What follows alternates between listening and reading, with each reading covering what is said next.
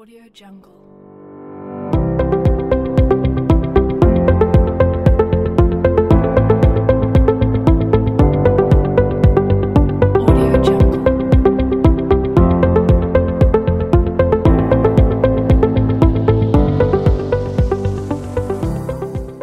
Assalamualaikum warahmatullahi wabarakatuh. Selamat datang di podcast Ngopi Departemen Kastrat BMF MIPA 2021. Uh, saya Kukun. Di sini sebagai host yang akan ditemani oleh rekan saya Mas Ciki. Mungkin Mas Ciki bisa say hello dulu Mas. Oke, selamat uh, pagi semua. Ya, sebelumnya aku mau jelasin nih, ngopi itu apa sih? Nah, ngopi ini adalah singkatan dari ngobrol santai perkara isu. Nah, isu-isu yang akan dibahas kali ini yaitu isu yang sedang hot di kalangan publik. Apa sih isunya? Penasaran kan? Nah, makanya tetap stay tune di podcast Ngopi. Nah, ngobrol terkait isu kami ditemani oleh dua orang-orang penting di FMIPA. Nah, di sini kami hadirkan Ketua BPM FMIPA 2021. Nah, selamat datang Mas Lukman. Halo Kun, Iya. Nah, kami juga menghadirkan Mawapres FMIPA. Uh, selamat datang Mas Nabil. Saya hello dulu Mas. Selamat datang. Oh, iya. Hello, Kun. Eh, Oke, ah. Tema yang akan kita bahas kali ini merupakan masalah yang sering dialami saat kuliah online berlangsung. Ah, di mana banyak sekali terjadi di kalangan kaum muda Indonesia yang kurang termotivasi dan menjadi kurang kritis terhadap keadaan sekitar. Nah, kuliah online ini pun membuat mahasiswa dituntut untuk belajar sendiri dari media-media di internet, di mana mahasiswa yang kurang dalam memproteksi diri dapat terpengaruh aliran akan ajaran ajaran yang masih belum benar kejelasannya. Nah, di sini kita akan berdiskusi santai terkait isu tersebut. Nah, sebelum itu eh, gimana Mas Lukman? Gimana sih kabarnya? baik Kun, lapar. Puasanya lapar ya? Aduh. Kalau Mas Nabil sendiri gimana Mas puasanya? Eh, Alhamdulillah masih full. Gak mau kelan. Ah, Mas Lukman ini Mas, lagi di mana sekarang Mas?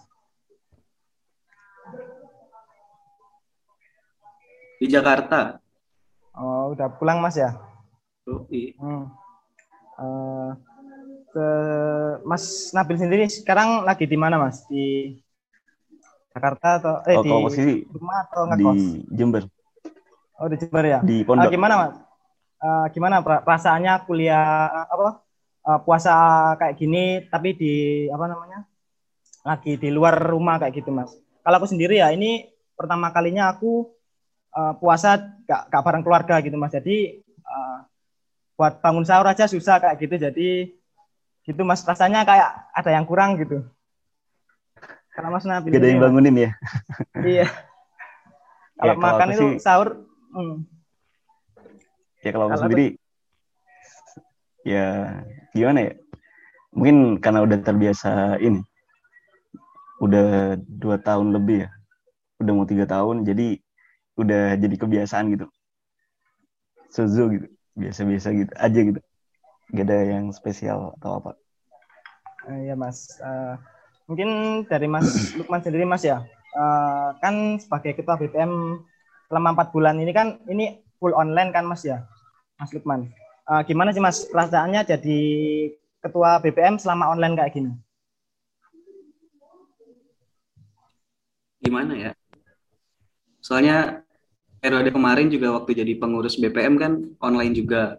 Mungkin tantangannya pas jadi ketum ini ininya kali ya ngatur internalnya pengurus-pengurus lain secara online juga. Terus ya itu kayak ngumpulin aspirasi dan lain-lain juga harus online. Tapi untungnya di tahun kemarin juga online jadi udah lumayan beradaptasi lah. Oke. Eh, kalau Mas Nabil sendiri Mas, eh, gimana Mas rasanya kan jadi mawapres saat online online kayak gini lah? Ada kendala gitu nggak Mas? Ya kalau aku sendiri sih kayak ngerasa ya mau gak mau tetap harus dijalankan ya. Jadi eh, bahkan mungkin ada positif negatifnya. Positifnya aku bisa kayak melaksanakan beberapa kegiatan dalam satu waktu sekaligus. Ya negatifnya ya mungkin karena tidak bertatap muka gitu ya. Kayak perkuliahan, kayak rapat atau mungkin kegiatan-kegiatan lain yang seharusnya tatap muka kan gak tatap muka jadi feelnya tuh jadi kurang gitu itu aja sih negatifnya kalau yang di aku Oke Mas ya. Ah, mungkin mengenai isu-isu yang belakang ini kan Mas ya. Kan katanya bentar lagi bakal ada eh, semester depan itu bakal jadi offline ya.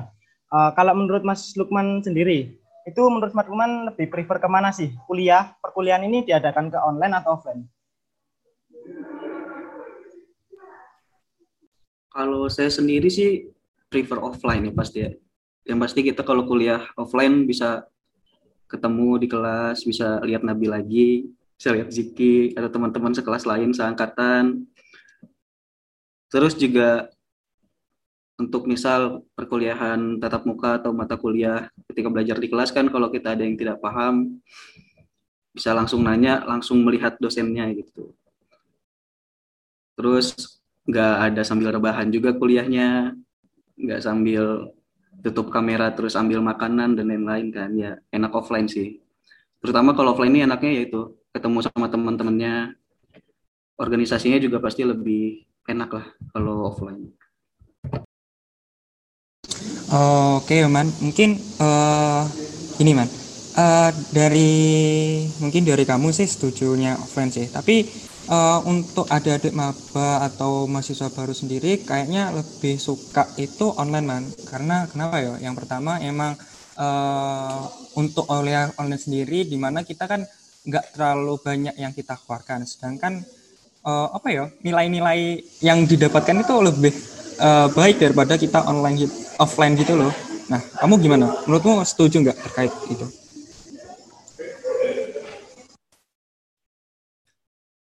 kalau nilai kayaknya iya juga sih lumayan pada ningkat juga ya semua ya hampir semua ningkat semua tapi ya itu eh, oke lah kalau misal pada seneng karena hal itu tapi harus diingat juga kalau mahasiswa kan harus ada sosialisasinya gitu ya. Toh masa sama teman angkatan juga nggak ketemu.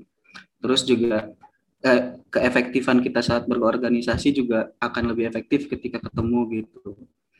Ngobrol langsung kalau ada permasalahan bisa diobrolin langsung. Kan kalau misal online kita tahu sendiri lah bisa banyak ada salah paham dan lain-lain. Kalau masalah perkuliahan iya sih nilai lebih bagus dan lain-lain tapi kalau saya sendiri prefer tetap tatap muka karena ya itu kita bisa ketemu teman sekelas belajar bareng secara langsung sosialisasinya lebih dapat lebih dekat lebih dekat dan lain-lainnya sih mungkin Nabil gimana Bil Hmm, oke, Nabil nih yang uh, mahasiswa bertasi. Menurut Nabil sendiri yuk, Pi, menurut gimana? Menurut kamu? ya kalau aku sendiri sih eh, online itu ya bagus sih. Soalnya eh, kita kan memang udah memasuki era industri 4.0 jadi eh, kita memang dituntut nih untuk eh, Internet of Things. Segalanya kalau bisa dibuat ya dalam ya online dalam ya posisi online. Eh, jadi secara produk- produktivitas juga kalau online ya ya tadi kita bisa melakukan banyak hal dalam satu waktu. Bisa sambil ngerjakan tugas lain bisa sambil dengerin dosen. Kalau offline mungkin kan kalau kita sambil ngerjakan tugas sambil dengerin dosen kan khawatir eh, perasaan mungkin bu- buat dosennya. Kalau online kan nggak bakal ketahuan. Cuman eh, untuk ya setuju sama Lukman sih eh, mau gak mau kita hidup di real life gitu di kehidupan nyata gitu. Tetap jadi kita tetap butuh sosialisasi dan segala macam. Jadi ya ada plus minus semua sih offline maupun online cuman kalau aku sendiri kalau di produktivitas lebih enak ketika online kalau masalah feel eh, yang didapat nih. Walaupun tadi nilainya tinggi-tinggi dan segala macam tetap eh, lebih berkualitas kalau offline sih kalau dari aku.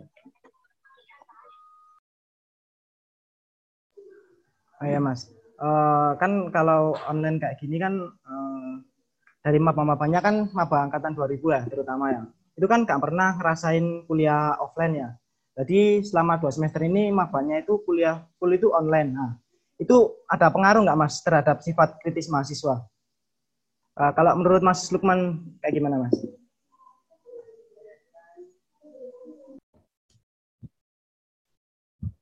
kalau ada pengaruhnya nanti gitu ya kan belum tahu juga nanti mahasiswa barunya ketika offline apakah akan tetap kritis dan lain-lain kalau ada pengaruhnya atau enggak mungkin belum tahu gitu ya. Soalnya belum lihat juga antar uh, ketika offline mereka gimana. Tapi uh, di beberapa mahasiswa baru seperti angkatan 20 dan lain-lain kalau dilihat dari ketika mereka mengikuti Mawa gitu ya salah satunya di jurusan himatika yang saya tahu ada dari ada beberapa dari mereka yang tetap kritis kok. Tetap join juga banyak tetap mempertanyakan hal-hal yang harus dipertanyakan terus untuk masalah perkuliahan kan saya juga sekarang menjadi asisten praktikum.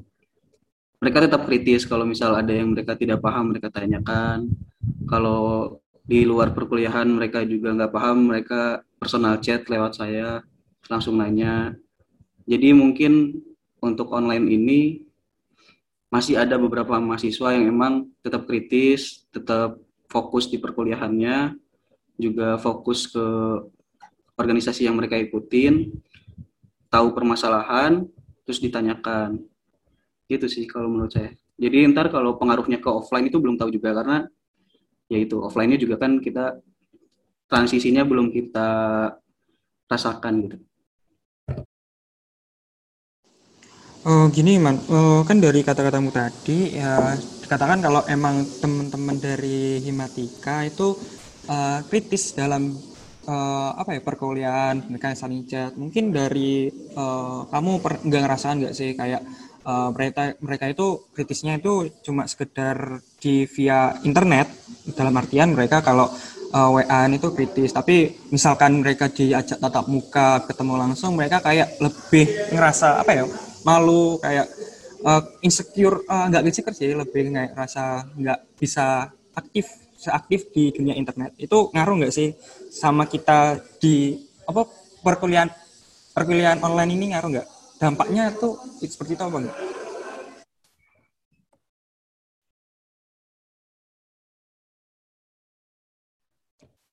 Ngaruh sih.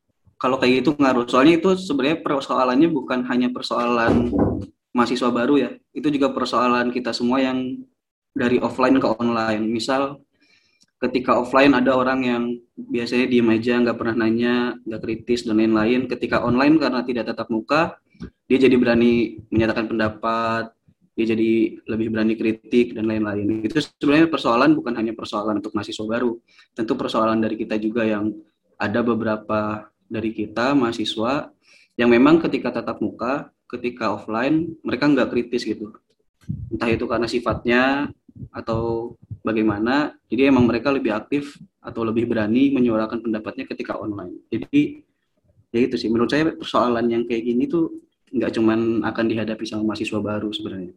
Persoalannya udah ada di kita sebelumnya dari transisi offline ke online.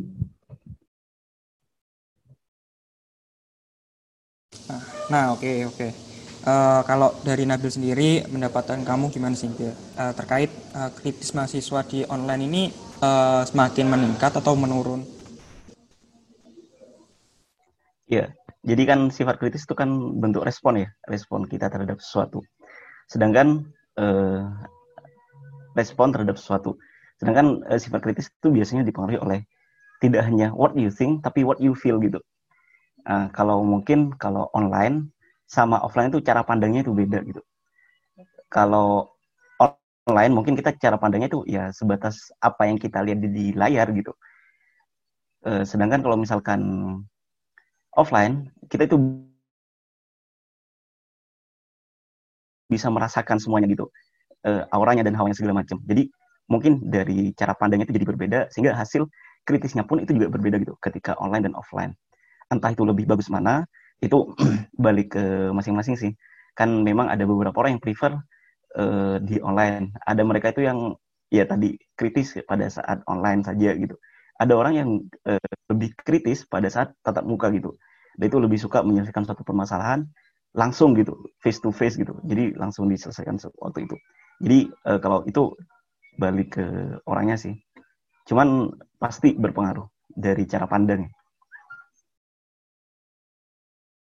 Nah, berarti uh, sama aja ya kayak menurut kalian berdua tetap uh, walaupun online offline uh, asalkan mereka itu punya kemampuan untuk kritis mau eh, untuk tunjukkan diri ya kedua-duanya emang punya eh, caranya mereka sendiri untuk menyampaikan nah oke mungkin Kukun bisa menjelaskan dari Kukun sendiri untuk terkait map mungkin dari Kukun kan baru kan angkatan baru mungkin Kukun Ya 2019 di sini. Iya. Aku dari 2019. Nah, kalau menurutku sendiri ya, kalau kritis enggaknya itu sebenarnya eh, kalau kritis itu eh, apa ya? Kalau maba menurutku eh, kurang kurang kekritisannya gitu mas. Soalnya dari situ kan eh, kuliah online itu kayak eh, bener tadi gak ada feel-nya kayak gitu. Terus eh, kalau organisasi gimana ya? Kalau gak, gak ketemu langsung itu eh, kita jadi gak bisa ngelihat eh, untuk kritisnya itu kayak kurang gitu loh. Eh, soalnya kan sebenarnya kalau eh, untuk meningkatkan eh, untuk kekritisannya itu bisa dilihat kalau kita tatap langsung kayak gitu. Terus eh, bersosialisasi kayak ngomong sama sama ngomong ngomong sama ngomong langsung kayak gitu loh. Itu sifat kritisnya bisa di anu kalau online gini eh, kalau lewat Zoom ya itu tadi kayak misal eh, dari orangnya sendiri kalau emang nggak ada minat kayak kuliah aja tinggal tidur gimana mau jadi kritis kayak gitu loh kalau menurutku gitu sih apalagi ya eh, dari sini kan eh, kebanyakan dosen-dosen di FIPA itu kan kayak eh, kalau kuliah itu kan close camp kayak gitu jadinya ya wis itu sifat kritisnya itu ma- makin berkurang kalau menurutku dari maba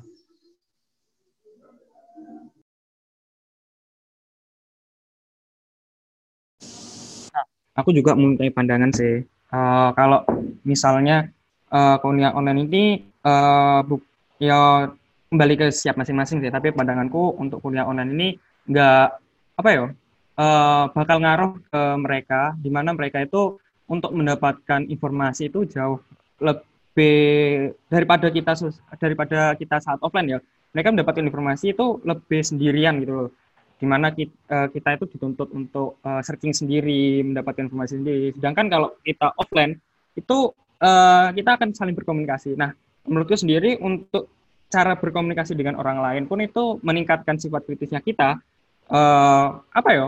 Kalau kita saat online gini, eh, tentunya biasanya eh, untuk menggali info, mestinya kita ke Google dan itu enggak semua info di Google pun enggak apa ya itu nggak eh, masih bisa dikurang percaya sih untuk kejelasannya. Jadi kita eh, masih butuh teman-teman untuk saling berdiskusi seperti ini, seperti em, teman-teman untuk saling menjelaskan. Mungkin dari misal kita ambil di Google dah eh, satu tulisan di Google. Nah kita itu eh, ada dua orang baca tulisan Google yang sama, tapi eh, memiliki previ, privativitas yang beda gitu. Jadi kalau eh, kita kurangi untuk saling diskusi secara offline, mungkin menurutku itu kurang mendapatkan itu sih kayak mungkin dari pandangan kedua orang tersebut yang sama artikelnya pun itu membuat mereka kayak eh, mem- kayak kurang tahu kayak kurang open minded terkait artikel itu. Jadi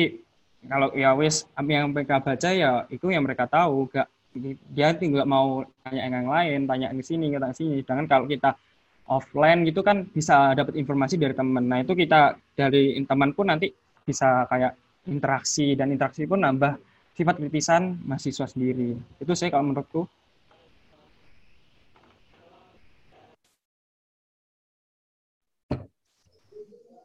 Sama ini mungkin saya nambahin tadi ada poin bagus dari Ziki.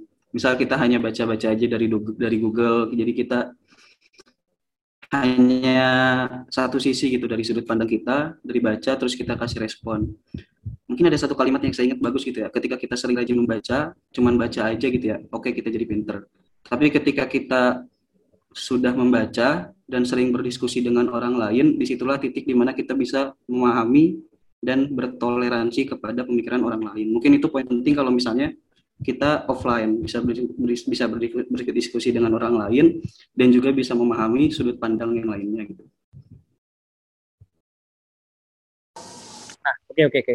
Kan udah dapat poin penting di situ kan ya. Nah, menurut kalian ini sifat kritisnya mahasiswa itu apa sih seharusnya sifat kritis itu?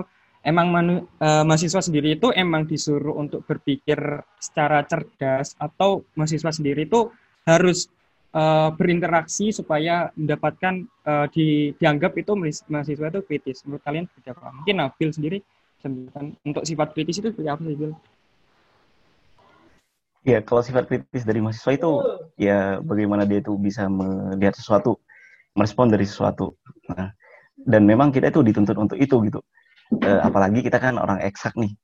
Eh, memang di beberapa hal kita memang apa ya? Kalau di kepenulisan dan segala macam, kita memang harus punya latar belakang permasalahan gitu. Harus kritis di situ gitu. Kan salah satu eh, bentuk kritis- kita di latar belakang permasalahan tersebut. Ada permasalahan apa sih? Kemudian kita ngasih solusi kayak gimana sih? Nah, itu kita sebagai orang eksak itu sangat dituntut untuk hal itu gitu.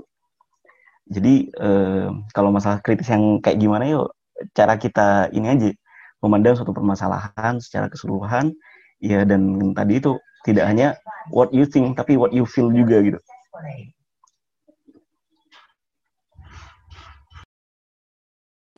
Nah, oke oke oke. Eh, jadi kalau menurut Nabil kan emang nggak eh, sifat kritis kan kembali ke dirinya sendiri ya. Mungkin dari Lukman sendiri ada tanggapan man sifat kritis mahasiswa itu kayak gimana sih man menurut Man? sebenarnya eh, poinnya itu dari Nabil. Sebenarnya sikap kritis itu respon gitu ya, respon dari kita. Misal ada permasalahan, respon kita ini mencari solusi dari permasalahan itu, kita tanggap atas ada permasalahan itu atau enggak gitu. Nah, ketika kita udah mulai peduli kalau misalnya tahu nih ada permasalahan di sini, terus kita cari solusi, itu udah masuk ke kritis gitu. Walaupun misal kita tahu aja nih, tahu aja permasalahannya. Menurut saya itu udah udah poin bagus lah setidaknya bagi mahasiswa tahu permasalahan lingkungan di sekitarnya. Nah, kalau misal dilanjutkan lagi ke poin setelah tahu permasalahan dia mau mengulik-ngulik hingga mencari solusi itu lebih bagus lagi gitu sebagai mahasiswa. Jadi sebenarnya kritis itu ya poin pentingnya. Nah kata Nabil tadi kita sebagai mahasiswa ketika kita mengetahui permasalahannya gitu. Mengenai sifat kritis ya Mas, kan ini ada hubungannya sama aspirasi mahasiswa. Nah, menurut Masnya, Mas Lukman sendiri kan yang dulunya BP, BBM dan sekarang jadi ketua BBM ya. Eh, aspirasi tahun lalu sama tahun kemarin tuh gimana? Tahun kemarin sama tahun ini tuh gimana sih Mas? Aspirasinya? Ada beberapa aspirasi yang masuk dan target yang dituju juga beragam gitu. Untuk saat ini sih eh, untuk BPM yang tahun ini aspirasi yang sudah masuk ya lumayan lah hitungannya. Mungkin kalau yang tahun kemarin Nabil gimana Bil? Iya, kalau tahun lalu sih eh, banyak sih aspirasi dari mahasiswa, cuman ya permasalahan yang mereka sampaikan itu ya seputar masalah online ini, bagaimana KKN di kala pandemi yang back to village, bagaimana perkuliahannya, permasalahan-permasalahan selama perkuliahan, bagaimana penggunaan di blue button yang sering trouble dan segala macam. Permasalahan seputar itu sih eh, kebanyakan ya, walaupun memang ada beberapa aspirasi yang di luar itu seperti kondisi lapangan dan segala macam. Tapi eh, yang menurut yang ku tahu eh, menurut apa yang aku tahu kemarin itu kebanyakan ya permasalahan seputar perkuliahan online saja gitu. Ya mungkin kalau sekarang eh, karena sudah terbiasa ya, mungkin jadi permasalahan tentang kuliah online itu tidak terlalu disorot sama mahasiswa. Kurang tahu juga ya kalau masalah itu. Mungkin dari Ziki sama Lukman ini lebih tahu kalau masalah itu. Sekarang sebenarnya sama aja Bil. Eh, ada beberapa yang masih mempermasalahkan tentang kuliah online. Tentunya kan ada tetap ada permasalahan yang baru gitu yang muncul ketika perkuliahan online. Tapi itu karena ini pengumpulan aspirasi yang baru, jadi ada beberapa aspirasi yang muncul lagi gitu di di permukaan seperti pembuatan lapangan. Terus eh, kalau kemarin ini ada minta untuk BPM nambah inovasi gitu di penampungan aspirasi. Terus juga ada dari UKM yang kemarin itu kalau nggak salah, oh ini ada juga yang mempermasalahkan tentang kebijakan di Ormawa dan lain-lain lah. Jadi emang karena ini pengumpulan aspirasi yang, aspirasi yang baru, ada beberapa aspirasi yang lama maupun yang baru muncul ke permukaan gitu. Nah, sebenarnya sih untuk aspirasi sendiri eh, karena kita mulai udah mulai berbelajar ya eh, eh, terkait apa jenenge terkait pelaksanaan online seperti ini mungkin aspirasi sendiri ya ter, bisa dikatakan untuk aspirasi ini eh, tersampaikan dengan baik ke siap mahasiswa. Tapi itu kendal kendalanya ya sama kayak tadi yang kita udah bahas Eh, si- untuk kritisian mahasiswa itu kembali ke diri mereka sendiri sendiri. Mereka ya mungkin punya rasa untuk kritis tapi eh, di sisi lain mereka ya enggak apa ya belum bisa untuk mengekspresikan seperti itu. Mungkin eh, kita eh, di kita udah menyiapkan wadah untuk aspirasi mereka untuk menyampaikan aspirasi mereka tapi gimana ya dari mereka sendiri nggak eh, untuk menyampaikan secara online atau gimana itu mungkin eh, terkesan untuk baru bagi mereka. Jadi eh, mereka eh, lebih suka yang lama atau segala macam. Jadi untuk aspirasi sendiri ya kembali ke untuk aspirasi yang me- bisa menampung eh, kritisan mahasiswa itu enggak apa ya kembali ke mereka sendiri sih. Nggak bisa dipukul rata mereka itu sudah kritis atau enggaknya jadi aku tapi aku sangat setuju untuk eh, aspirasi ini emang dilakukan eh, walaupun di kala pandemi ini bisa dikatakan eh, dilakukan secara online sih emang perlu banget sih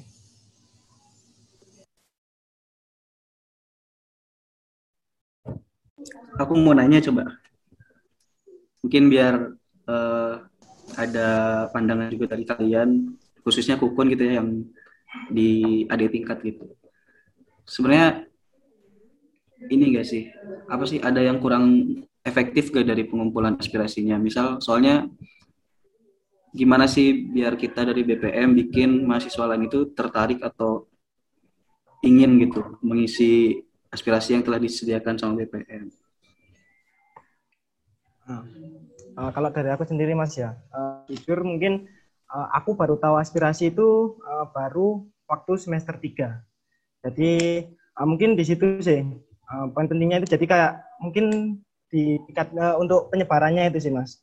Soalnya waktu maba itu kayak aku sendiri kan kayak gimana ya?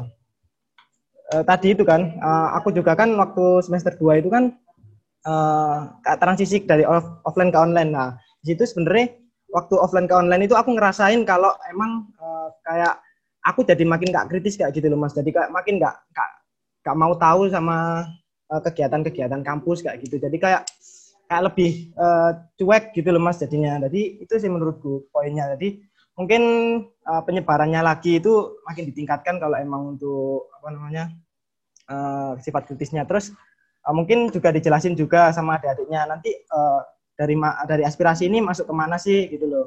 Dari aspirasi ini nanti eh, gimana menuju ke mana terus ini dibuat apa aspirasi kayak gitu. Mungkin eh, adik-adiknya itu perlu edukasi buat buat kayak gitu. Jadi eh, seperti itu sih kalau menurutku mas ya. Mungkin aku juga bisa nambah ya man Eh, gimana ya Eh, untuk aspirasi sendiri mungkin kita bisa eh, usulkan tema untuk aspirasi bulan ini, bulan ini itu apa. Soalnya eh, untuk aspirasi yang gimana kita minta aspirasi tapi nggak ada yang mau dibahas. Jadi mereka itu nggak tahu mau eh, apa yang mau disampaikan. Jadi mereka itu kayak nggak kurang nangkep mau aspirasi aku mau aspirasi apa yo gini eh, yang mau sampein apa ya? Mungkin kalau bisa dikasih tema mungkin masih topik pembahasan kayak aspirasi bulan ini terkait kuliah online aja yang mau dibahas ya mungkin mereka mau ngusulin sih. Kayak nggak serandom kayak kita nyampein biasanya gitu sih. Gimana menurut kamu sih? Tanggapan kamu gimana? Ya bagus sih. Jadi di setiap bulan setidaknya ada fokus bahasan yang eh, yang mahasiswa tahu gitu ingin menyampaikan aspirasi apa. Ya ditampung sih. Ntar coba dibicarakan sama internal BPM. Dari Nabil ada saran nggak? Ya kalau dari aku yang aku tahu ya cuman ini aja sosialisasi ke mahasiswanya. Soalnya eh, ada beberapa mahasiswa yang memang masih belum tahu nih tentang aspirasi dari Kastra dan BPM. Jadi mungkin eh, bahkan di pengurus Mafi itu ada beberapa ya yang belum paham nih tentang aspirasi. sistematikanya dan segala macam. Mungkin itu bisa dikoordinasikan lagi ya antar ormawa lah atau mungkin eh, diadakan sosialisasi dengan mahasiswa juga. Supaya mereka itu tahu tuh eh, aspirasi ini nanti buat apa alurnya seperti apa dan segala macam. Itu aja sih kalau dari aku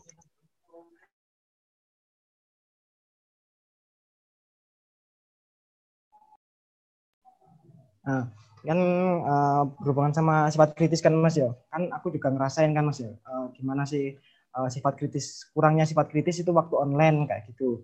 Eh, menurut Masnya Mas, eh, gimana sih Mas cara meningkatkan nih apa eh, kekritisan mahasiswa, terutama mahasiswa baru kalau online-online kayak gini. Gimana mungkin dari Mas Mas Mas, Mas Lukman?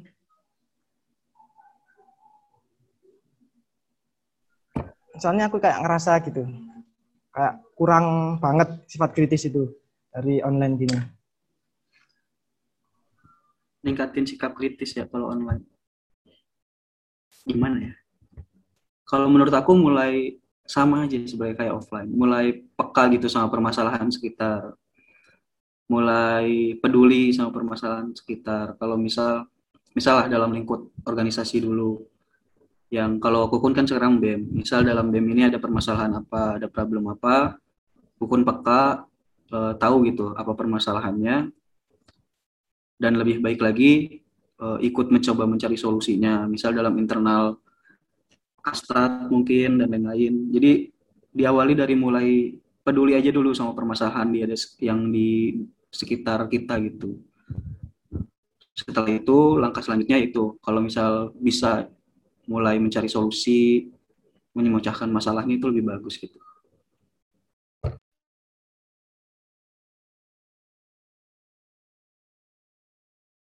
Eh, kalau Mas Nabil Mas gimana Mas ningkatin sikap kritis ya. Eh, kalau Iya. dari aku sih, ya memang ini ya, beda mungkin ya cara eh, pas waktu pengenalan tahunku sama maba mungkin beda ya.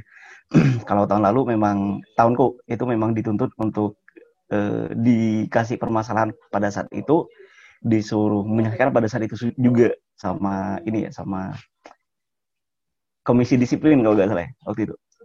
Nah, itu kan eh, kayak memaksa kita untuk berpikir cepat tepat gitu dan juga eh, dari jawaban kita itu tidak sembarang jawaban tidak sembarang respon. Mereka itu juga mempertanyakan dari respon kita. Itu sangat membantu gitu dalam sifat kritis eh, mahasiswa. Cuman mungkin kalau karena sekarang online dengan berbagai ya keterbatasannya hal itu tidak dapat. Nah gimana cara meningkatin sifat kritis? Ya mungkin sama kayak eh, Lukman tadi meningkatkan kepekaan pada permasalahan yang ada di lingkungan.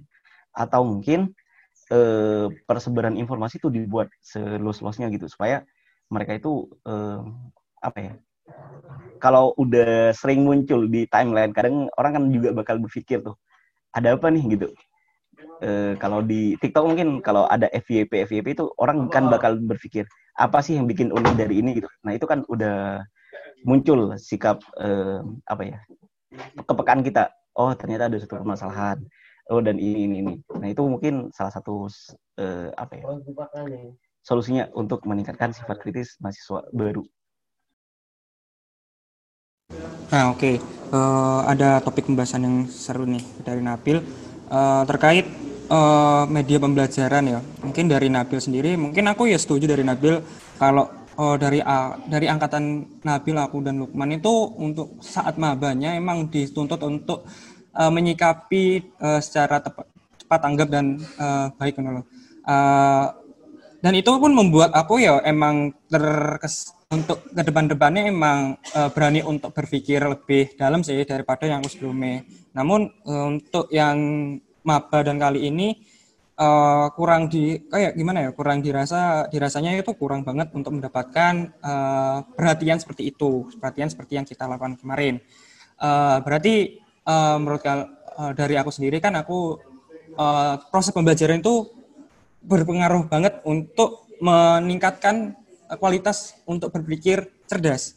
Jadi eh, di mana kita kita sendiri itu bukan hanya kita itu untuk eh, kita nggak bisa apa ya nggak bisa langsung ter cengak maksudnya tersadarkan kalau nggak kita itu nggak ada sesuatu yang membuat kita tersadar gitu jadi saat kita untuk diberi sebuah studi kasus untuk dibuat uh, sebuah kita disuruh untuk men, apa ya menyelesaikan cerita asal segalanya mungkin uh, itu akan membuat kita itu bakal berpikir lebih dalam lagi daripada sebelumnya.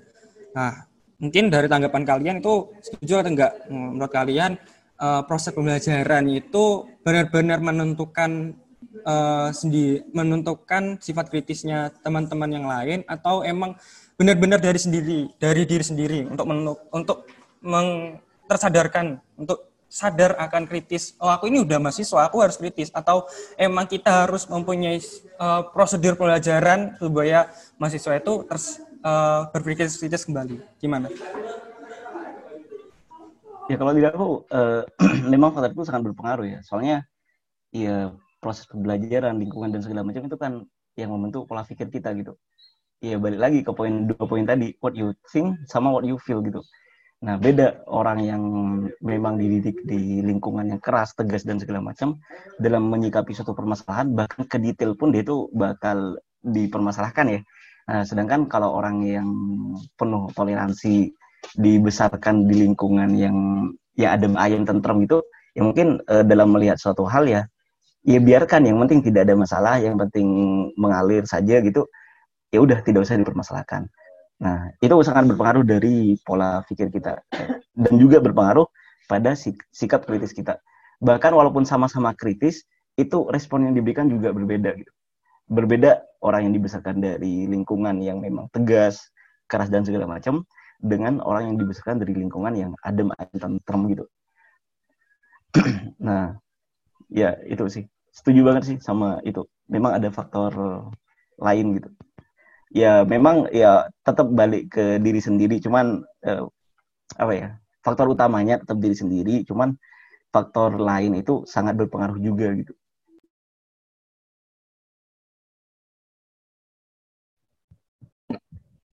Ya aku juga setuju sih. Jadi namanya proses gitu ya.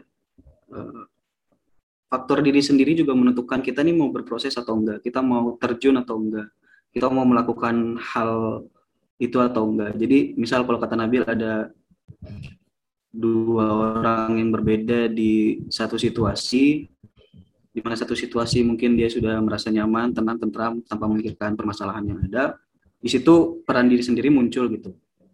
Dia mau mulai peka dengan permasalahan yang ada, mau mulai berproses gitu, seperti orang-orang berpengalaman lainnya lalu bisa menjadi kritis, menjadi aktivis baik di luar kampus maupun di dalam kampus itu jadi jadi tanggung jawab diri sendiri gitu untuk menentukan apakah kita ini mau nggak turun terjun untuk untuk mulai berproses aja dulu bisa biar bisa sampai ke titik kita ini kritis gitu.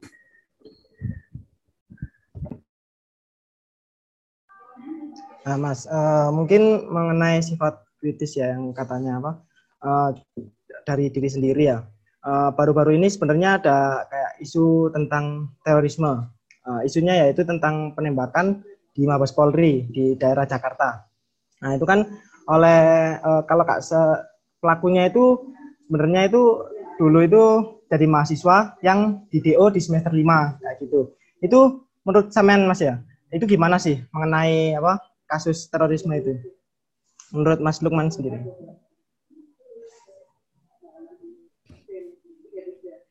Kasus terorisme. Ya salah sih. Mau gimana pun juga kasus terorisme mau kita pikirkan bagaimanapun itu tindakan yang salah ya.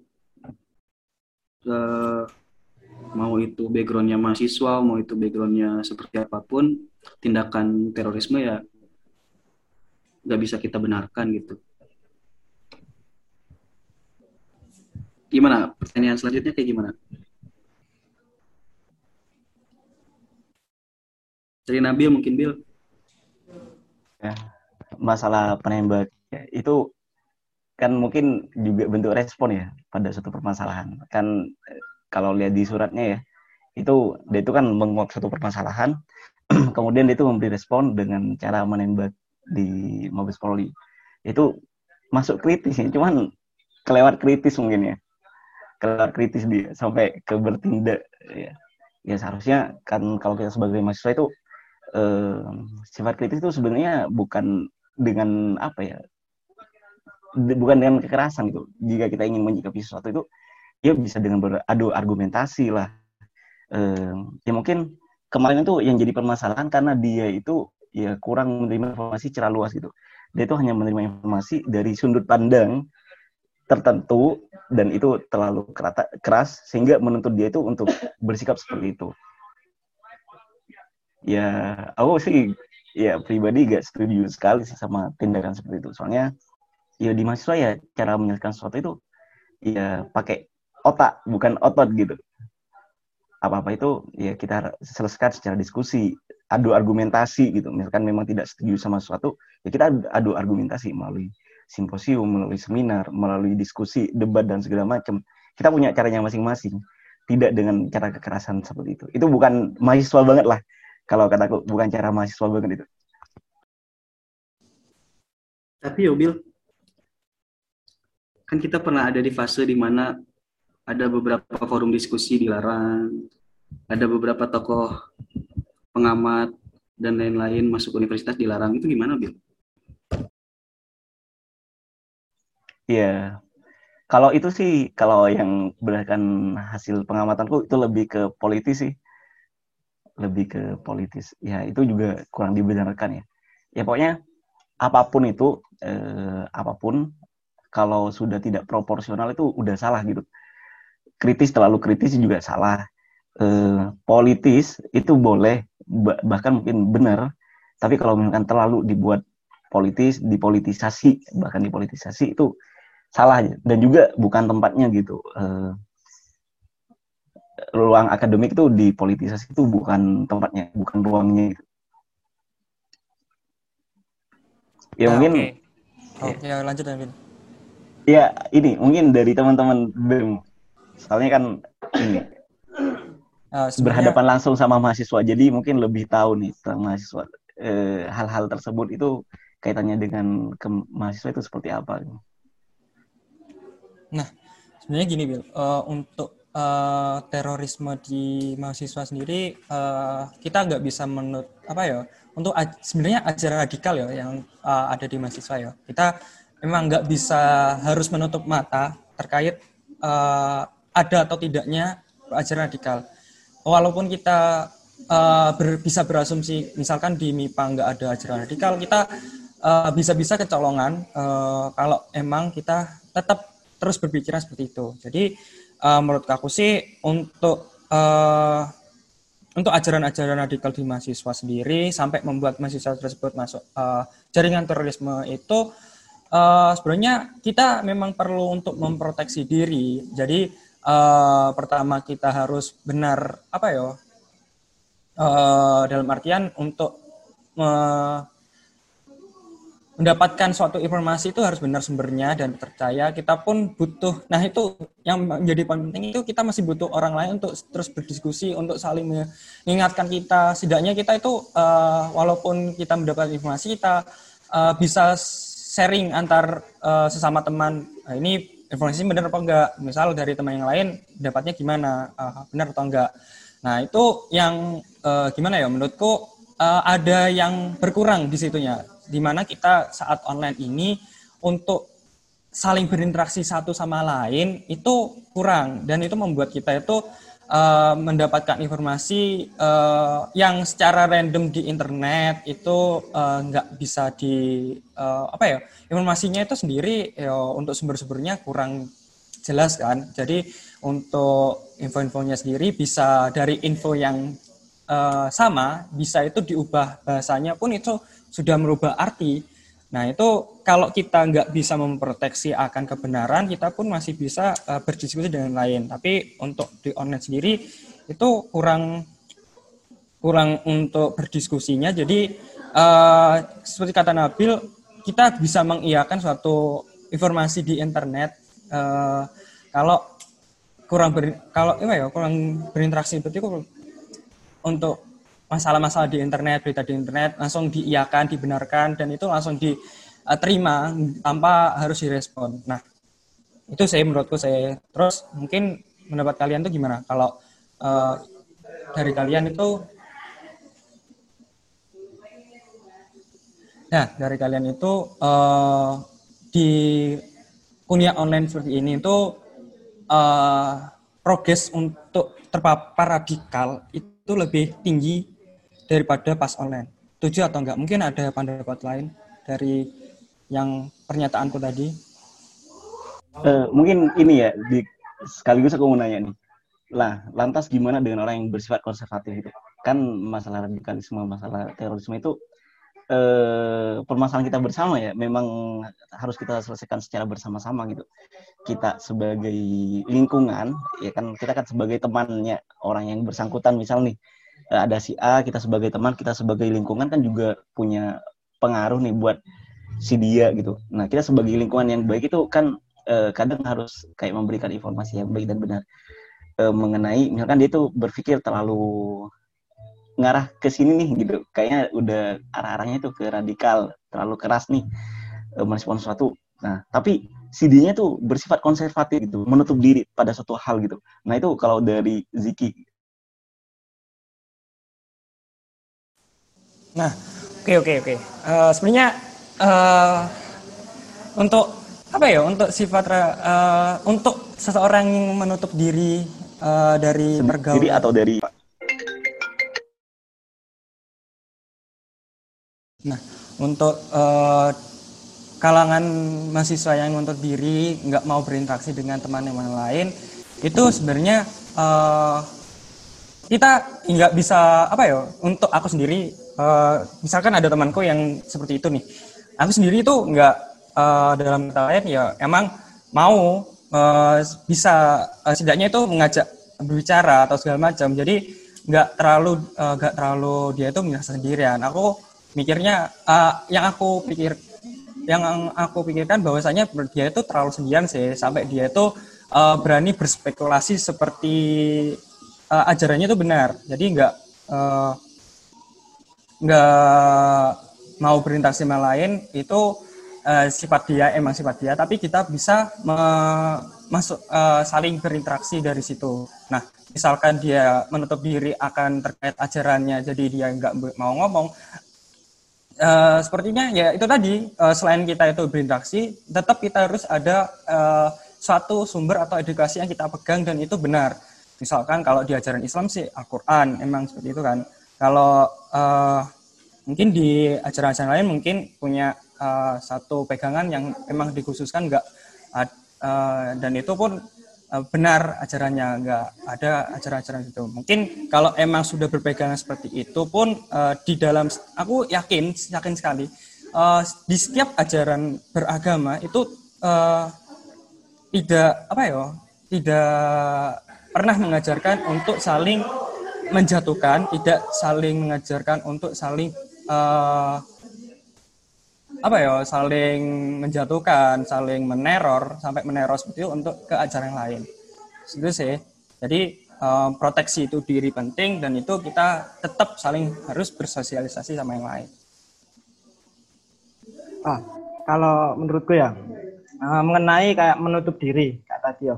Sebenarnya untuk menutup diri eh, kayak gitu itu di online kayak gini itu sebenarnya eh, biarpun menutup diri sebenarnya kayak si on, eh, orang ya kayak kan sebenarnya walaupun menutup diri sebenarnya kayak informasi-informasi itu masih kayak masuk gitu mas. Terus ya eh, biarpun menutup diri kan eh, ada banyak informasi-informasi yang masuk kayak nggak mungkin kan kalau orang menutup diri itu kak buka sosmed kayak gitu jadi mungkin sih menurutku biarpun uh, orang itu kayak gak keluar rumah tapi kalau emang masih buka HP terus masih buka sosmed itu uh, kayak kemungkinan terpapar radiasinya itu makin gede. Nah kayak gitu. Apalagi kayak misal uh, kemarin itu uh, contohnya itu uh, surat wasiat yang disebarkan kayak gitu. Itu sebenarnya kan uh, kalau menurutku ya secara gak langsung itu kan kayak kita uh, kayak uh, dengan disebarkannya surat wasiat itu kan kayak mungkin malah mereka eh, kayak me- mereka itu menyebarkan ajarannya gitu loh. jadinya biarpun kalian memproteksi kita sendiri memproteksi diri tapi kalau emang beritanya itu yang masuk kayak gitu semua itu menurutku uh, kemungkinan terpapar radikalisme itu ya tetap aja mas. Kayak gitu biarpun online sama offline. Malah mungkin menurutku mas lebih gedean online. Soalnya uh, informasi melalui online itu cepet banget. Gitu sih. Sebenarnya pemikiran radikal itu bisa muncul kapan aja ya. Bisa aja nih kita sekarang Nabil lagi diem lagi duduk itu uh, ngelihat kondisi negara ngelihat kondisi FMIPA lagi nggak bagus tiba-tiba kepikiran ini kayaknya bentuk negara lain kayaknya bagus nih. Kepikiran kebersihan aja kan sebenarnya bisa kayak gitu. Nah sebenarnya persoalannya untuk ngebantah pemikiran Nabil itu seperti apa? Jadi misal ada satu ada satu orang atau beberapa kelompok yang punya pemikiran radikal yang bertentangan dengan kita. Sebenarnya PR-nya juga ada di kita. Argumen apa dari kita yang bisa membantah argumen pemikiran radikal mereka gitu. Kita siap atau enggak dengan argumen kita. Kalau misalnya kita punya argumen yang kuat, punya punya pemikiran yang kuat juga, ketika kita discuss, mereka juga sadar nantinya gitu. Terus masuk lagi ke yang tadi, konservatif gitu, ya, orangnya penutup dan lain-lain mungkin masuk ke yang kita bicarakan sebelumnya tadi. Kalau misal orang itu cuman rajin baca tanpa sosialisasi, ya dia hanya pinter aja gitu, wawasannya luas aja. Tapi kalau ditambah diskus dan bersosialisasi dengan yang lain, kita bisa bertoleransi dengan sudut pandang orang lain yang berbeda gitu. Nah, di situ poin toleransinya juga bisa membuat kita menahan diri gitu. Kalau misal ada yang berbeda dari kita, nggak langsung kita bantai gak langsung kita kerasin, gak langsung kita jelek-jelekin dan lain-lain. Kalau saya sendiri waktu offline punya kebiasaan, misal saya tahu teman saya ini ada sudut pandangnya yang berbeda dari saya gitu. Biasanya deketin gitu, langsung deketin, langsung ketemuin, nggak langsung ah, terus saya ngobrol. Kenapa sih bisa pemikirannya seperti itu berbeda? Ngobrol-ngobrol ya akhirnya juga saling paham gitu kenapa mereka pemikirannya seperti itu mereka juga tahu kenapa pemikiran saya seperti ini. Nah di situ akhirnya walaupun kita berbeda pendapat ketika ngobrol sering debat ya kita tetap berteman gitu tetap berkawan. Gitu sih kalau dari aku. Uh, oh ya. Boleh nih masih boleh sih sama aku kan boleh boleh aku, ya. Nah, ke poin penting nih. Uh, dari dari yang disampaikan Ziki tadi masalah uh, kita harus berpegang pada satu hal yang benar gitu. Nah, mereka pun orang yang radikalisme, orang yang terorisme itu ya, ya pastinya mereka tuh ngerasa benar sendiri gitu. Itu kan respon dia terhadap sesuatu, gitu. menganggap satu hal itu salah gitu. Cuman mungkin responnya uh, kurang tepat gitu. Nah, uh, sedangkan sekarang kan uh, banyak informasi masuk, terutama online seperti yang dikatakan sama Kukun tadi, uh, sampai kita itu kadang sulit untuk mengontrol gitu. Nah, kalau dari kita sendiri gitu, uh, kayak uh, apa ya pencegahan dini gitu. Bagaimana sih cara kita itu memilih informasi? Kalau dari teman-teman, bagaimana sih ya, teman-teman ini memilih informasi sampai tahu kalau informasi itu benar atau salah gitu seperti itu. Sedangkan kan kalau di kita sendiri kan kebenaran itu ya kalau Einstein itu kan ruang dan waktu itu relatif. Nah, segala sesuatu yang berkaitan sama ruang dan waktu termasuk kebenaran itu juga relatif. Kebenaran menurutku sama kebenaran yang dipahami sama Lukman itu beda gitu. Bahkan sama orang yang radikal sekalipun itu punya sudut pandang kebenaran masing-masing gitu. E, jalanku ini udah benar, jalan jihad gitu dan segala macam lah. Nah, dari teman-teman sendiri cara mengatasi itu sebagai pencegahan dini sebelum masuk ke sana gitu. Itu seperti apa gitu? Mungkin dari Lukman dulu. Gimana Luk? Kalau aku nih ya yang pasti nggak nggak terlalu cepat merespon.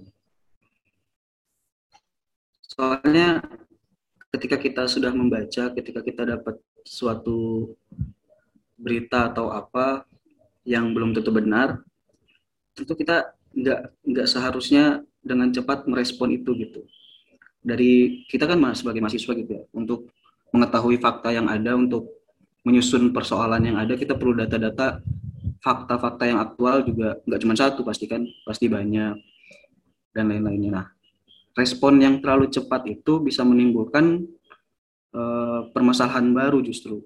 Nah, ketika kita membaca atau mendapatkan informasi yang ada, lebih baik kita cari dulu informasi lainnya kalau misalnya kita peduli ya gitu ya, kita kritis, kita cari respon lainnya, kita cari informasi lainnya, ataupun kita tanya ke yang lebih berpengalaman, entah itu orang tua kita, entah itu dosen, entah itu teman-teman kita yang mungkin sudah pengalamannya lebih tinggi, entah itu cutting atau orang-orang yang berorganisasi di ekstra, di intra juga.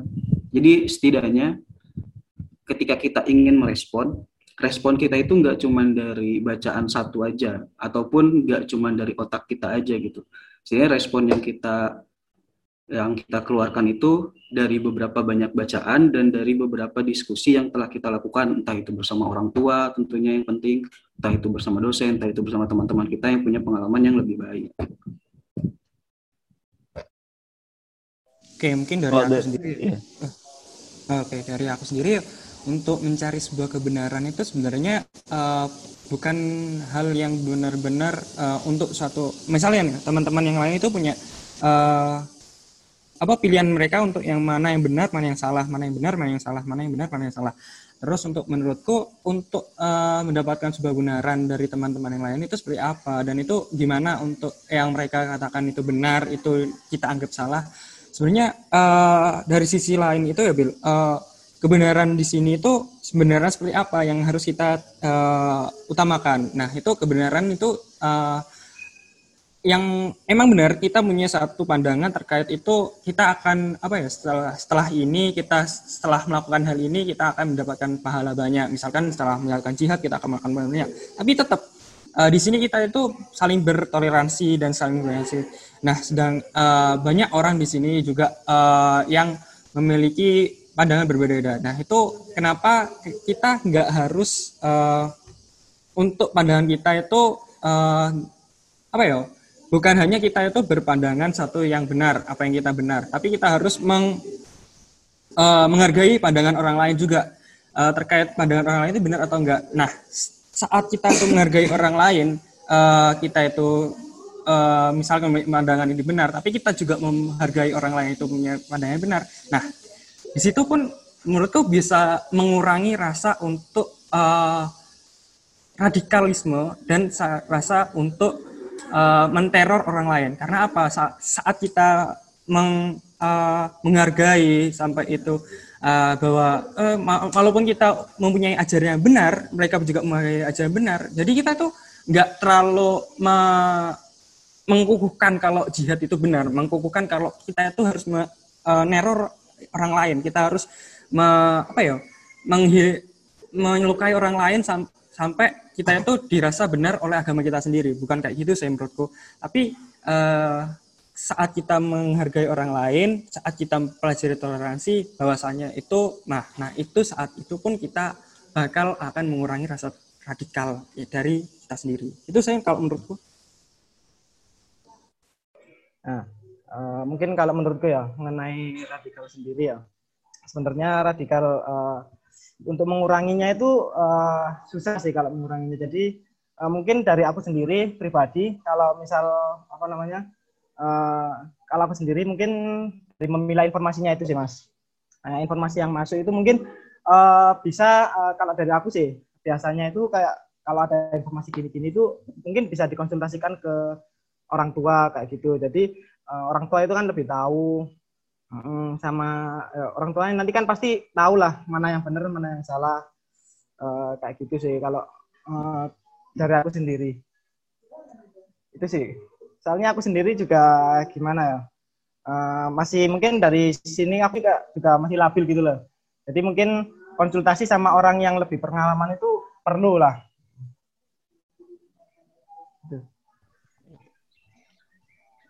Gak apa ini lanjut ya. Ini makin seru halnya pembahasan ini. Enggak apa enggak apa. Nah, nah ini kan kebanyakan teror yang terjadi, ter- kebanyakan sifat sikap-sikap radikal itu yang terjadi itu kadang dikaitkan sama agama. Apa-apa dikaitkan sama agama. Padahal sifat radikal itu yo bisa bahkan untuk orang yang tidak beragama pun itu kadang bisa bersifat radikal. Nah itu gimana pan- pandangan kalian? Setuju nggak eh, tentang hal itu gitu? Soalnya tiap kali ada teror, tiap kali ada eh, satu kejadian ya, selalu dikaitkan sama agama gitu. Kayak kita kan di Indonesia nih eh, sebenarnya kayak bagaimana di Papua dan segala macam itu kan sebenarnya tidak berlandasan agama tapi berlandasan sikap politik kan. Dan itu juga sikap radikal sebenarnya kan. Teror juga, terorisme terorisme kan eh, ya teror dari kata teror kan. Nah itu gimana menurut kalian? Ah, mungkin aku bisa anu sih mengungkapkan. Eh, gini Bil, mungkin eh, ada kata seru sih, eh, ada pandangan seru sih Bil terkait kenapa terorisme itu selalu eh, mengatasnamakan agama dan selalu menyerang kaum yang beragama, ya kan? Eh, soalnya gini Bil, dari awal eh, terorisme itu sendiri ya gim- gimana ya untuk aksi terorisme sendiri itu eh, bukan hanya kita harus melukai orang lain, tapi gimana caranya eh, si teror tersebut itu mendapatkan respect dari orang lain, ya kan? Soalnya saat terorisme terjadi, eh, kemungkinan yang memang yang menjadi korban ya satu di tempat itu, tapi yang mendapatkan respect itu eh, bisa seluruh dunia, bisa merespek, bisa eh, di eh, wilayah lain pun bisa ikut merespek kejadian tersebut. Eh, dan kenapa harus eh, harus ada kata-kata agama untuk aksi teror? Nah, karena eh, setiap yang kita lakukan itu eh, untuk eh, agama sendiri itu merupakan salah satu eh, ajaran yang melekat dalam hati dalam kita.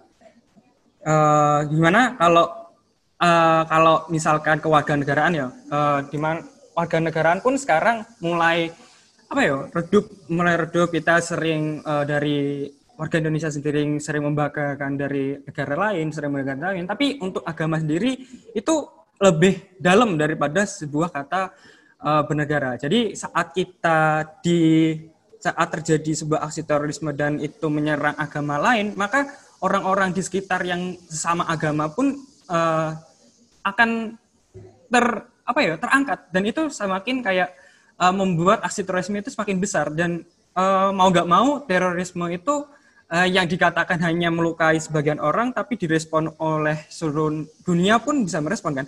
Direspon oleh seluruh dunia itu berhasil. Mereka itu nggak cuma untuk melukai tapi untuk mendapatkan respon gitu loh. Jadi eh, untuk eh, apa ya? Kenapa sering kayak uh, aksi terorisme itu harus melukai orang lain? Dan korbannya pun uh, antar umat beragama dan segala macam perperangan antar uh, apa jenis aksi teror antar umat beragama dan segala macam. Itu karena ya itu tadi ya, selain kita untuk meng, apa ya uh, me- selain di sisi lain ya itu mungkin ada jangka pendek ada jangka panjang untuk uh, efeknya. Jangka pendeknya mungkin uh, hancurnya uh, tempat itu dan itu ada terjadi korban luka-luka dan semacam tapi efek jangka panjangnya itu mungkin ada stigma lain terhadap agama tersebut uh, membuat uh, kayak uh, apa ya agama tersebut diginikan dan itu mendapatkan respon dari negara lain kayak gitu jadi uh, selainnya uh, si pelaku terorisme itu melukai orang lain tapi dia itu juga dapat uh, respon dari orang lain nah responnya dari orang lain pun di Uh, mungkin ya, mungkin nah, menurutku respon dari masyarakat lain itu diperlukan untuk aksi teror untuk terus berkembang. Di mana misalkan aksi terorisme terus berkembang dan itu dilihat orang lain, maka uh, ajaran yang mereka bawakan itu lebih gampang untuk diterima dari orang lain. Maksudnya lebih gampang untuk terlihat. Di mana misalkan ajaran jihad atau segala macam itu lebih gampang terlihat daripada mereka yang cuma mengajarkan di uh, bayang-bayang kayak apa ya melalui melalui grup-grup kecil melalui grup-grup anu mereka ajarannya kan nggak terlihat dan itu diikuti sebagian orang sebagian tapi kalau mereka melakukan uh, aksi terorisme dan dilihat orang-orang lain maka orang lain pun uh, kayak kepo akan ajaran tersebut. Apakah ya atau benar? Eh, gimana sih ajaran dia? Jadi itu lebih mudah untuk me- apa ya menyebarkan luaskan kan seperti itu sih menurutku. Dan itu pun Iya. eh, apa ya keuntungan bagi mereka tentunya. Ya, eh, ini aku nangkep poin penting nih dari Ziki. Jadi sebenarnya aksi teror itu tidak hanya menyerang fisik korban yang di satu tempat itu juga ya. Tidak hanya menyerang di satu tempat itu saja gitu. Tapi menyerang orang yang di sekitarnya. menyerang orang yang seluruh dunia di mana mereka itu akan punya rasa takut yang sama gitu itu kan memang salah satu tujuan dari teror ya ingin meneror ingin memberikan rasa takut gitu ingin menyatakan bahwa mereka itu eksis gitu seperti itu kan Ziki Iya benar-benar. Mereka itu eh gimana ya? Eh, aksi teror itu bukan hanya sekedar untuk mengebom dan melukai orang lain, tapi emang untuk eh, apa ya? Bisa di sisi lain untuk sal apa ya? Menyebarluaskan ajaran mereka dan itu jika mereka melakukan aksi teror di suatu tempat dan itu eh, membuat orang lain itu menjadi kepo akan ajarannya. Itu sih. Menurutku seperti itu sih. Iya. kalau itu- Lukman gimana nih Lut? Iya gimana teror selalu dikaitkan sama agama. Teror selalu kaitan sama agama. Padahal pada kenyataannya tidak melulu soal agama nih. Kalau bahasannya tadi tentang radikal gitu di awal ya di mana salah satunya itu dari akar permasalahan terorisme pemikirannya radikal. Sebenarnya kan ya itu seperti yang aku bilang tadi di awal. Semua orang itu bisa berpikir radikal gitu. Mau orang beragama mau orang yang nggak percaya Tuhan bisa berpikir radikal gitu dari situ aja udah pasti aksi teror itu yang diakarin dari pemikiran radikal yang belum tentu orang beragama, tentu juga aksi terornya belum tentu orang yang beragama semua gitu. Kita framingnya aja gitu di media yang kita lihat aksi-aksi teror itu kebanyakan dari agama ke agama lain dan lain-lainnya gitu. Nah, mungkin gitu.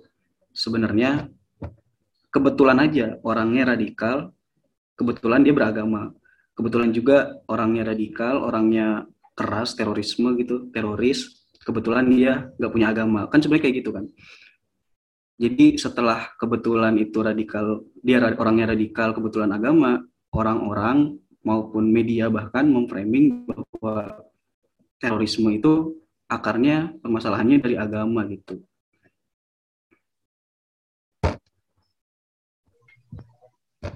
Ya kalau dari Kukun gimana nih Kun? Eh, mungkin ya. Sebenarnya kalau dari menurutku itu eh, untuk apa namanya terorisme itu sebenarnya itu eh, bukan eh, kenapa kok dikaitkan dari agama? Sebenarnya aku ini kayak percaya kayak konspirasi gitu mas. Jadi mungkin dari situ ya. Sebenarnya eh, mayoritas eh, umat apa namanya di Indonesia itu umat beragama kayak gitu mas karena menurutku kenapa ini kok jadi apa kenapa di sini kok pemberitaan kayak gitu kok di apa mengenai terorisme itu di apa namanya dikaitkan dengan agama menurutku itu? Dari situ itu ya. Eh, poinnya itu kayak kita itu kan banyak mayoritas itu beragama. Jadi mungkin dari situ sebenarnya ada celah banyak celah buat eh, kayak anu apa kayak mem- memecah belah umat beragama itu jadi makin eh, untuk Indonesia ini makin kayak gitu kayak gitu loh terpecah gitu loh mas. Jadi mungkin dari apa namanya nah, dari memecah agama itu tadi itu bisa memecah Indonesia gitu loh. Aku lebih menurutku kayak gitu sih mas untuk apa yang apa namanya untuk kenapa kok kok menyerang agama gitu loh. Soalnya agama di Indonesia ini kayak rawan gitu loh. Soalnya kebanyakan itu umat beragama apalagi kebanyakan itu Islam kayak gitu. Jadi dari situ gampang untuk memecahnya ya ini aku coba nyimpulin ya sama tak tambahin dah, sama Bil. pendapatnya Ya, Ya, mungkin dari kamu tambahin sama pendapatku sendiri langsung nih. Jadi eh, dari beberapa pemaparan dari teman-teman nih, aku nyimpulkan nih, eh, seolah eh, pada gak setuju semua di sini. Intinya semuanya itu pada gak setuju kalau misalkan terorisme, radikalisme itu kaitannya sama agama. Eh, kalau misalkan kita kaitkan pada hal tersebut, ini malah jadi pembenaran bagi orang-orang yang tidak percaya pada Tuhan gitu. Orang yang tidak percaya pada agama, itu malah jadi pembenaran bagi mereka orang ateis, bagi mereka orang agnostik gitu. Mereka tuh kan berpikiran ngapain sih aku ikut? Eh, ngapain aku harus bertuhan gitu? Bukannya Tuhan menjadi salah satu sebab gitu. Di kebanyakan kasus jadi salah satu sebab eh, pertumpahan darah gitu. Gimana apa ngapain aku harus beragama? gitu. Padahal kan agama jadi salah satu penyebab perang dunia satu perang dunia kedua kan salah satu sebabnya kan gold glory gospel. Salah satu di persebaran agama. Perang salib itu juga karena agama. Bahkan mungkin nanti perang akhir zaman juga karena agama. Mereka tuh malah makin mengiyakan pendapatnya mereka sendiri, mending aku tidak bertuhan, mending aku tidak beragama. Nah, sejatinya kita itu sebagai orang yang beragama itu memberi contoh, memberi eh, sikap baik kepada mereka supaya mereka itu eh, punya pandangan, oh ternyata orang beragama itu baik ya. Oh, ternyata orang yang punya Tuhan itu lebih tertata hidupnya, lebih terstruktur hidupnya. Dia itu tidak hidup seenaknya. Ada aturan di sana gitu kan e, kalau kita singgung di ayat itu inna sholat tanha anil fasya wal mungkar gitu. Sungguhnya sholat itu mencegah keji dan mungkar. Keji itu perbuatan buruk menurut Tuhan, sedangkan mungkar itu perbuatan buruk menurut manusia gitu. Jadi seharusnya kalau kita sudah sholat itu e, tidak hanya sholat mengerjakan seperti itu, tapi di kehidupan sehari-hari pun kita itu juga harus sholat gitu. Harus tahu kalau apa ya harus berakhlak dan segala macam. Bahkan kalau aku ngutip dari pernyataan Sabdo Palon Sabdo Palon ini abdinya Brawijaya gitu. Dia tuh bilang e, di masa depan agama di masa depan itu adalah agama Buddha. Nah Sujiwo Tejo itu menafsirkan. Yang dimaksud Buddha itu adalah budi. Budi pekerti. Jadi orang nanti di masa yang akan datang, di masa depan itu tidak peduli gitu. Kita ini Islam, kita ini Kristen, kita ini Konghucu atau agama lain yang mereka perlihatkan itu bagaimana sikap kita gitu. Nah, harusnya kita sebagai orang yang beragama harus memberi contoh yang baik gitu. Di agamaku ada aturan. Di agamaku gak bisa sembarangan. Di agamaku udah diatur bagaimana hablum minan nas, hablum minallah, sama hablum minal alam gitu bagaimana aku bertindak kepada manusia, bagaimana aku bertindak kepada alam. Jadi uh, supaya mereka-mereka yang tidak percaya pada Tuhan, mereka tidak percaya pada agama itu uh, bukan malah yakin gitu, tapi uh, oh ternyata si Ziki nih karena dia Islam, dia itu uh, rajin sholat, dia itu jadi orang jujur, dia itu jadi teladan lah. Ya mungkin aku bisa ikut Ziki lah segala macam. Itu seyogyanya harus seperti itu sih. Cuman ya memang karena framing media juga ya juga mungkin benar kata Kukun supaya ingin memecah belah memang ada apa ya ada eh, ada udang di balik batu ya istilahnya ada keinginan di di balik itu semua. Jadi teror ini sengaja diciptakan teror ini sengaja dimunculkan supaya orang itu ya terpecah belah supaya orang terteror merasa takut dan segala macam supaya orang yang tidak percaya sama Tuhan sama agama itu makin yakin sama keyakinannya gitu. Padahal hal itu kan salah. Kalau dari aku gitu sih. Jadi eh, salah besar. Kalau misalkan eh, terorisme radikalisme itu dikaitkan sama agama memang benar ada beberapa terorisme, ada beberapa radikalisme itu yang berdasarkan pada agama. Itu sebenarnya yang salah bukan agamanya, tapi respon orangnya tersebut gitu. Agama gak ada yang salah gitu. Agama, iya, agama menurut penganutnya masing-masing itu benar gitu. Islam menurutku ya benar. Kristen yang benar orang Kristen yang benar gitu. Dan sama-sama mengajarkan perdamaian gitu. E, cuman mungkin responnya gitu, respon dari manusianya sendiri yang membuatnya jadi salah. Ya, itu sih kalau dari aku nah oke okay, oke okay. mungkin uh, untuk kita sendiri kan nggak bisa ya tadi nggak bisa menutup mata kalau emang di ajaran radikal itu eh, nggak uh, ada di sekitar kita. Terus uh, dari kalian sendiri uh, gimana sih misalkan di sekitar kalian itu ada ajaran radikal dan itu bagaimana caranya untuk mengurangi ajaran radikal sendiri. Mungkin kalian punya pendapat untuk uh, dari uh, gimana ya saling untuk memproteksi diri lah satu sama lain. Gimana caranya untuk uh, setidaknya kita itu uh, misalkan ada ajaran radikal kita nggak terpapar secara langsung. Gimana caranya dari kalian sendiri uh, mungkin ada satu tips-tips khusus tah atau gimana untuk uh, mengurangi rasa radikal Soalnya di mahasiswa sendiri kan rawan banget nih untuk terpapar. Mungkin dari teman-teman yang lain, dari Lukman,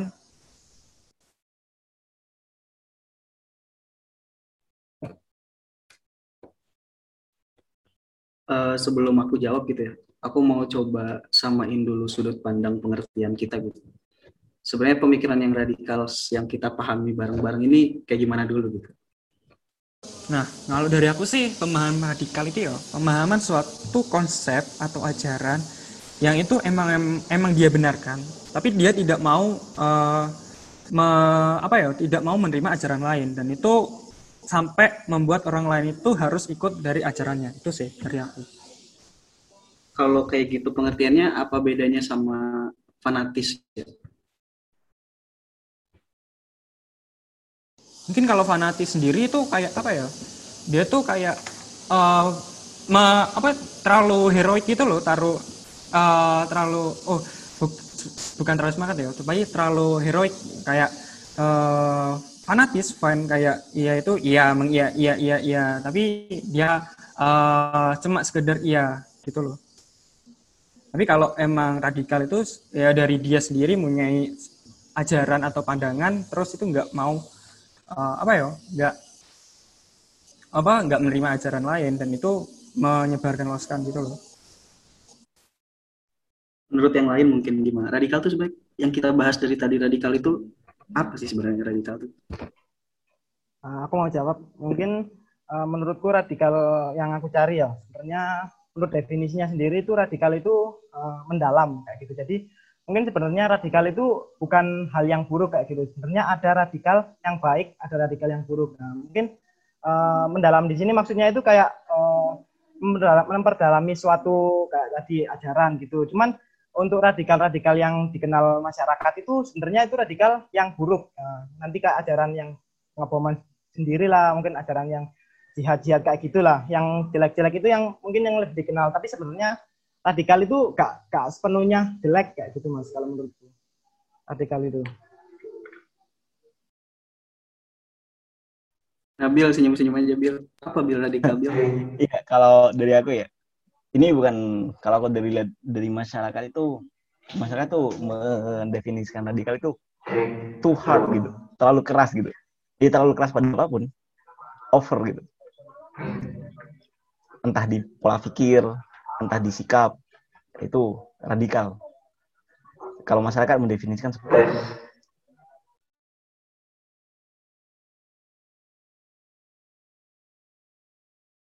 nah gimana nih man Eh, ada kesimpulan nggak dari apa yang kita sampaikan menurut kamu sendiri dah menurut kamu dan kesimpulannya Sambil masuk ke pertanyaanmu tadi ya. Jadi sebenarnya kan pemahaman radikal ini awalnya itu dulu yaitu kata pun tadi redix gitu ya, berakal. Kita mahasiswa juga kalau belajar dan lain-lain ya kita harus harus redix gitu sifatnya berak sifatnya itu radikal. Kalau mau pelajari sesuatu ya harus dalam, entah itu mata kuliah dan lain-lain. Tapi mungkin yang kita fokuskan di pembahasan ini itu radikal yang pemikirannya itu eh, langkah selanjutnya itu sampai ke aksi teror gitu. Nah untuk menyikapi hal-hal tersebut, ya itu tadi kan kalau di awal saya selalu bilang kalau misal saya ini misal ada pemikiran yang berbeda dan menurut saya itu terlalu jauh dengan teman saya, saya orangnya langsung datang ke, ke orangnya gitu, langsung berdiskusi gitu, langsung menanyakan apa apa bagaimana pandangan dia, bagaimana bagusnya dan lain-lain kan. Terus ya itu, jangan biarkan ada orang yang kata Nabil tadi konservatif tertutup. Kalau misal ada orang yang tertutup seperti itu, PR kita bagaimana kita mendekatkan kita ke dia untuk saling berdiskusi akhirnya ujungnya. Nah, jangan sampai malah kan sekarang kasusnya ketika ada orang yang kita kira radikal, radikal negatif kalau kata Popon ya kan ada yang positif, kita kira radikal negatif, kita malah jauhin gitu, kita malah jaga jarak gitu sama dia, tanpa tahu sebenarnya bagaimana pemikiran dia gitu. Nah, jadi ada PR juga dari kita untuk sebenarnya pertama yang tadi saya sampaikan, kita harus punya argumentatif dulu yang kuat gitu. Argumen kita yang kuat seperti apa, dasar kita yang kuat seperti apa, yang pasti dasar-dasar yang ada di diri kita kan ditumbuhkan dari lingkungan keluarga tentunya, dari lingkungan pertemanan, dari lingkungan organisasi. Nah, dari lingkungan-lingkungan yang kita ada itu dengan modal-modal seperti itu, argumen kita harus sudah kuat. Jadi ketika ada informasi, ajaran yang baru atau bahkan sesat, kita udah punya perisai gitu di dalam diri kita. Nah, nyambung lagi ke sifat kritis, sifat kritis itu akan sangat berguna ketika kita uh, mendapatkan informasi-informasi yang sebenarnya masih kurang jelas gitu, di mana informasi itu bisa mengakibatkan kita akhirnya terjatuh ke dalam ruang eh, kesesatan gitu. Nah, dari diri kita silahkan siapkan dulu argumentatif yang bagus, perisai yang kuat, dengan lingkungan-lingkungan yang tentu berdiskusi, berdiskusi dengan keluarga, lingkungan teman, lingkungan organisasi. Nah, maka dari itu ketika ada ajaran-ajaran baru yang masuk ke kita, kita akan lebih kritis memikirkan hal-hal yang selanjutnya seperti apa, tidak langsung merespon dengan cepat, tidak langsung ikut-ikutan aja gitu ya. Terus untuk teman-teman yang teman-teman kita yang bersifat radikal negatif itu kalau kata pun ya itu kita dekatkan lah kita kita ajak ngobrol kita kita coba berteman dengan dia. Terus dekat juga juga bukan cuma ingin berdiskusi tentang permasalahannya gitu. Kita benar-benar berteman dengan dia. Coba bikin dia nyaman dengan kita bersikap baik dengan dengan orang tersebut agar seperti kata Nabil tadi kita sebagai contoh yang baik. Jadi mereka bilang lah kita ini beda pendapat tapi ternyata lebih baik dia daripada saya gitu kita jadikan contoh lebih baik mungkin. Akhirnya ketika kita dekatkan diri dengan mereka dengan perisai yang sudah kuat ya jangan sampai perisai kita nggak kuat argumen nggak kuat malah kita ikut mereka gitu. Nah, jadi harus dibekali dulu diri kitanya dekatkan ajak ngobrol lah deketin temenin. Ya, siapa tahu gitu akhirnya mereka ya lulus juga gitu. Entah itu pemikirannya ataupun hatinya. Soalnya nggak akan cukup dari kita hanya untuk mendebat pemikiran-pemikiran orang radikal siapa tahu ternyata argumen mereka lebih kuat malah kita yang kalah. Jadi eh, pelan-pelan aja deketin temenin. Jangan sampai kita jauhin dan mereka malah merasa makin tertutup dan mereka merasa argumen mereka benar sendiri karena nggak ada yang bantah. Dan mereka bisa melakukan sampai ke aksi kekerasan maupun teror.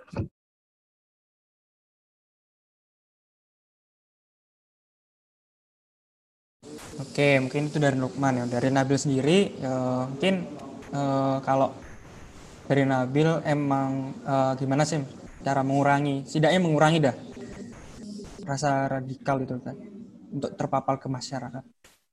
Ya, ini kan uh, outnya nanti ke terorisme ya, dari radikal ke terorisme.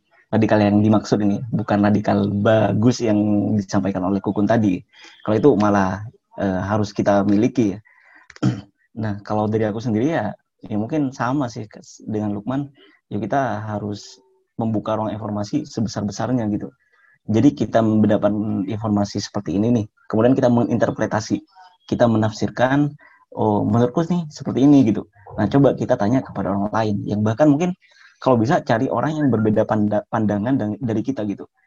Yang pertama tugasnya untuk e, misalkan punya kita yang benar itu malah meyakinkan kita kalau punya kita benar. Kalau misalkan kita salah kita itu cepat-cepat dikoreksi gitu sama pendapat dari orang lain tersebut. Nah terus e, kalau aku boleh ngutip juga nih sama salah satu peraih Nobel di India itu teroris itu bisa kita atasi dengan tembakan. Tapi terorisme pola pikirnya itu bisa kita atasi dengan pendidikan. Nah jadi di situ jelas nih eh, sebagai pencegahan awal sebelum kita mas eh, sebelum masuk ke sana itu ya dari pendidikan terlebih dahulu dari bagaimana informasi dari bagaimana lingkungan.